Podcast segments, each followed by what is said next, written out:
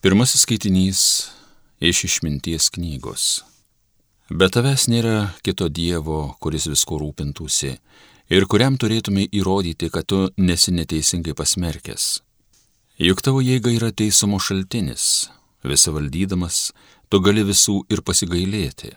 Juk tu parodai savo jėgą, kai netikima tavo visa galybė ir baudi įžūlumą tų, kurie ją pažįsta.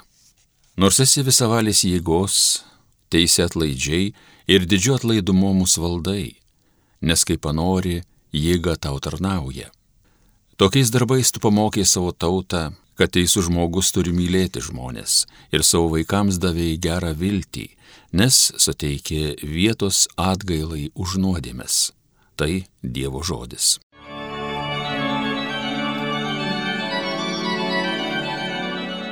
Tu viešpatie atlaidus ir geras. Juk tu viešpatie atlaidus ir geras, pilnas ištikimos meilės visiems, kurie tavęs šaukės. Viešpatie, mano maldos paklausykė, išgirsk maldavimą pasigailėti. Tu viešpatie atlaidus ir geras.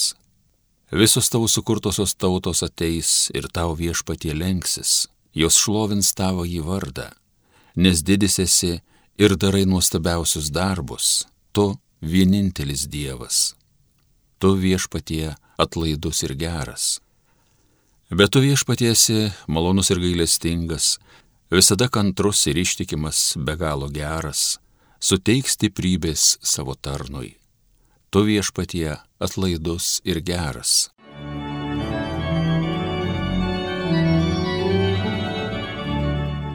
Antrasis skaitinys iš Šventojo Paštalo Pauliaus laiško romiečiams. Broliai ir seserys, dvasia ateina pagalbon mūsų silpnumui. Mes juk nežinome, ko turėtume deramai melstį, todėl pati dvasia užtaria mus neišsakomais atodusiais. Širdžių tyrėjas žino dvasios troškimus, kad jį užtaria šventuosius pagal Dievo norą. Tai Dievo žodis. Alleluja.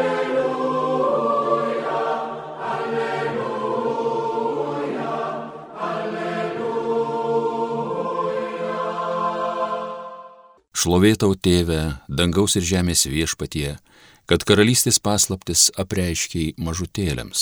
Alleluja, alleluja, alleluja. Viešpats su jumis. Pasiklausykite šventosios Evangelijos pagal matą. Anuo metu Jėzus pateikė minioms kitą palyginimą. Su dangaus karalystė yra kaip su žmogumi, kuris pasėjo savo dirboje gerą sėklą. Žmonėms bemiegant atėjo jo priešas, pasėjo kviečiuose raugių ir nuėjo savo. Kai šelmuo paugė ir išplaukė jo, pasirodė ir raugės. Šeimininko tarnai atėjo ir klausė, šeimininkė, argi negerą sėklą pasėjai savo laukia? Iš kurgi atsirado raugių? Jis atsakė, tai padarė mano priešas. Tarnai pasisiūlė, jei nori, mes eisime ir jas išravėsime. Jis atsakė, ne, kad kartais ravėdami raugės neišrautumėte su jomis ir kviečių.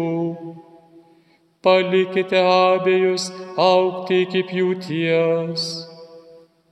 Pjūties metu aš pasakysiu pjovėjams, pirmiau išrinkite raugės ir suriškite į pėdelius sudeginti o kviečius sukraukite į mano kluoną. Girdėjote viešpatie žodį.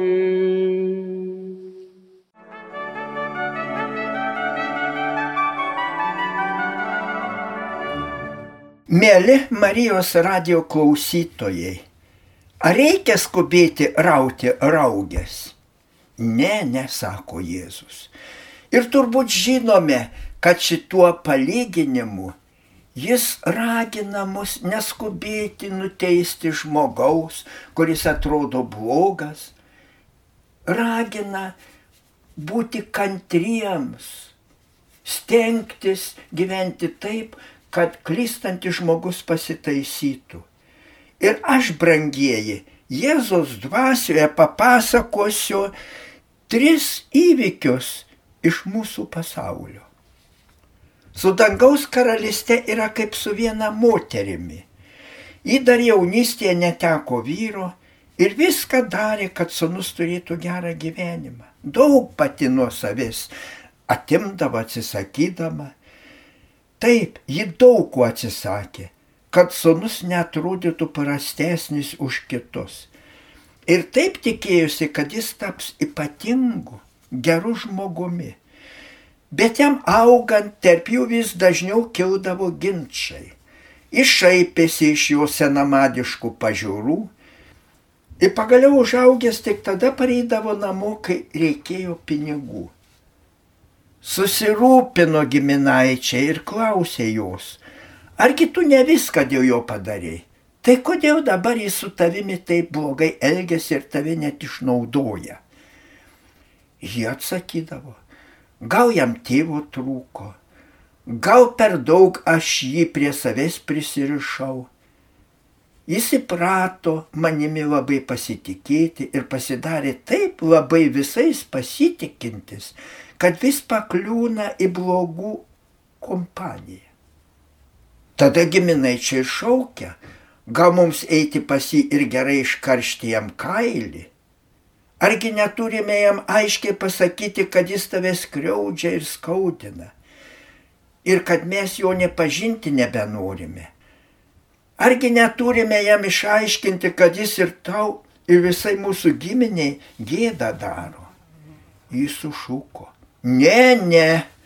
Taip sugriausite viską, kas jame gero yra. Ašgi žinau, gerai žinau, kad jis nuotlanko klasės draugą kuris po motociklo avarijos liko luošas, visaip jam padeda, visaip juo rūpinasi. Duokime jam laiko. Jis jums atrodo, kad dar ne visai subrendęs. Taip, taip, jis turi dar aukti, dvasia aukti. Esu įsitikinusi, kad jis bus vis geresnis. Ir ne tik luošam, draugui, bet ir kitiemsgi jis padeda. Tarp kitko mane godžia mintis, kad ne mes žmonės, bet pabaigoje Dievas kiekvieną iš mūsų savo gailestingume teis. Ir vėl, brangieji, su dangaus karalystė yra kaip su medicinos seselė, kuri labai nuoširdžiai dirba, džiaugiasi savo darbu. Nežiūrint vis augančio darbo krūvio, ji vis randa švelnų žodį ligonėms ir išpildo visus jų pageidavimus, prašymus. Tik vienam ilgai gulinčiam ligoniui ji niekaip nebegalėjo įtikti. Nuolat jis murma, keikia blogą priežiūrą, tinginiais vadina ją ir kitus ligoninės darbuotojus. Bendradarbiai kartą ir sako seselį, tugi viską darai, kad išpildytum jo pageidavimus. Jį tu tiesiog iš paikinai, dabar jis visur nepatenkintas. Iš kur tas jo piktumas, tiesiog iniršis, ar ne iš tavo paikinimo? O jie atsakė, niekas jo nelanko. Kiek guli dabar ligoninėje, niekada niekas jo neplankė. Gyjo žmona myrusi, vaikams jis nerūpi, gal jie kuri užsienius išvažiavę. Metų metais jis gyvena visiškai vienas. Nusivylimai tikriausiai įgreužė, o dabar dar serga, todėl ir tapo tokiu kenčiančiu, nervuotų seniu. Kitos seselės ir gydytojai sako, gal jo kritiką nereikia kreipti jokio dėmesio, o gal mums jį taip išbarti, kaip jis bara tave, o tu tiesiog ne, nebesikalbėk su juo ir nebepataikauk taip jam. Seselė atsakė, ne, ne, jis nebeturės ne vieno žmogaus, kuriam galės ką nors pasakyti. Visiškai sunaikinsite tą truputį pasitikėjimo, kuris yra tarp manęs ir jo. Ašgi pastebėjau jį kartais ir pravirkstantį. Manau, jis pats savimi nepatenkintas ir kartais jis kenčia dėl to, kaip su manimi elgesi. Duokime dar jam kiek laiko, kad jis tai pilnai pajustų, kad vėl rastų gyvenime džiaugsmo. Galbūt jam reikia daugiau tokių, kurie su juo kantrybėje ištveria. O dabar, brangiai pasakysiu, dar, kad su dangaus karalystė yra kaip su popiežiumi, kuris vadovauja Jėzaus Kristaus įsteigtai bažnyčiai. Jis ragina teologus, kad tyrinėtų ir aiškintų Dievo mokymą. Jis labai pasitikė savo teologais, mokslininkais. Ragina, kad jie dabar ypač skatintų sinodinį kelią. Bet kai kurie mokslininkai tą pasitikėjimą jiems suteiktą valdžią blogam panaudoja Jie lik apsėsti greunančios kritikos daug ką aiškina klaidingai. Ir skuba patarėjai pas popiežius, skuba. Argi ne viską šventasis tėvė padarė, kad bažnyčia Jėzaus dvasia gyventų? Tai iš kur tie klaidingi teologai? O popiežius atsako, teologai irgi tik žmonės, kai kurie trokšta visus nustebinti savo nepaprastai gilia išmintimi. Jie tik savo išmintį skelbia. O kai kuriuos gal mes įskaudinome juos, pakritikuodami ir jie pasidarė pikti. Tada patarėjai sako, gal uždėti jiems tylėjimo atgailą, gal net atimti jiems teisę kalbėti.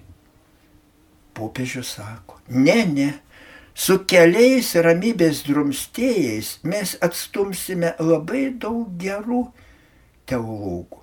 Taip jūs nubausite ir tuos, kurie su meilė bažnyčiai pasako kritinių žodį. Taip sugriausite pasitikėjimą, įskleisite baimę. Žodžio draudimas, mąstymo draudimas, mokymo draudimas, tos priemonės prieš pikdžolės dažnai pataiko į klaidas bet ir labai daug gerų minčių daigų sunaikina. Duokime laiko naujam mąstymui ir naujoms idėjoms, kad auktų ir brestų. Leiskime viską. Prasiskverbs, kas gera ir tikra. Žinokite, pernelyg dažnai pasėlį sunaikina ne pykžolės, bet uolieji tarnai, kurie ravėdami viską ištirpia.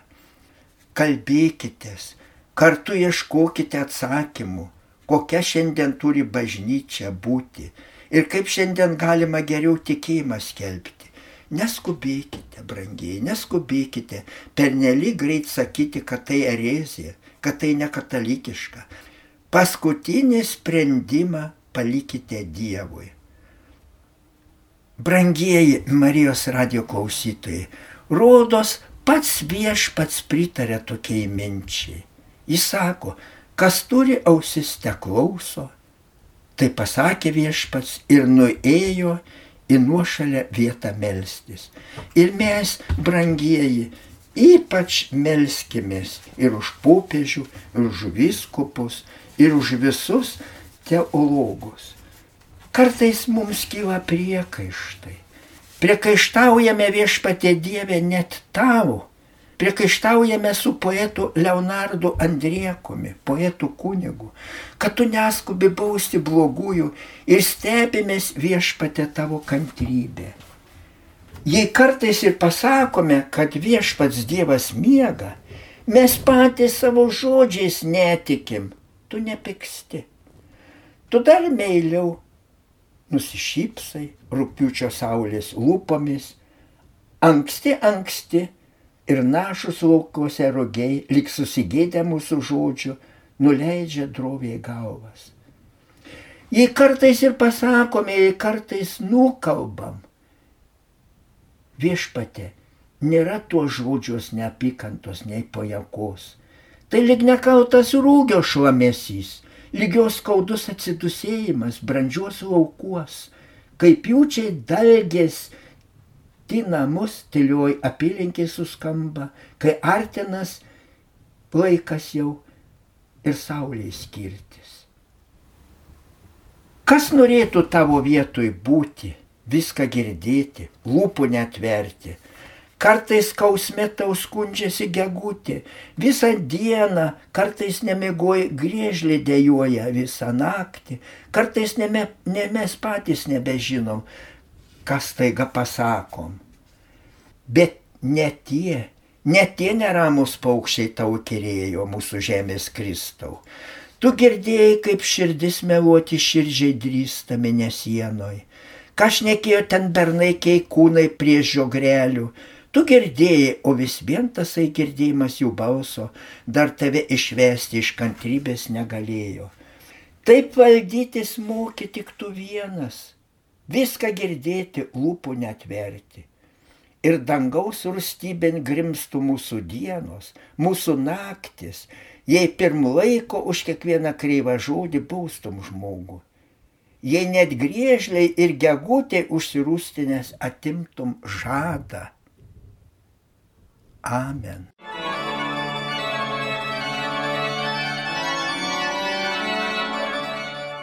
Evangeliją gėdojo kunigas daktaras Vilius Sikorskas. Homilyje sakė panevižio vyskupas emeritas Jonas Kauneckas.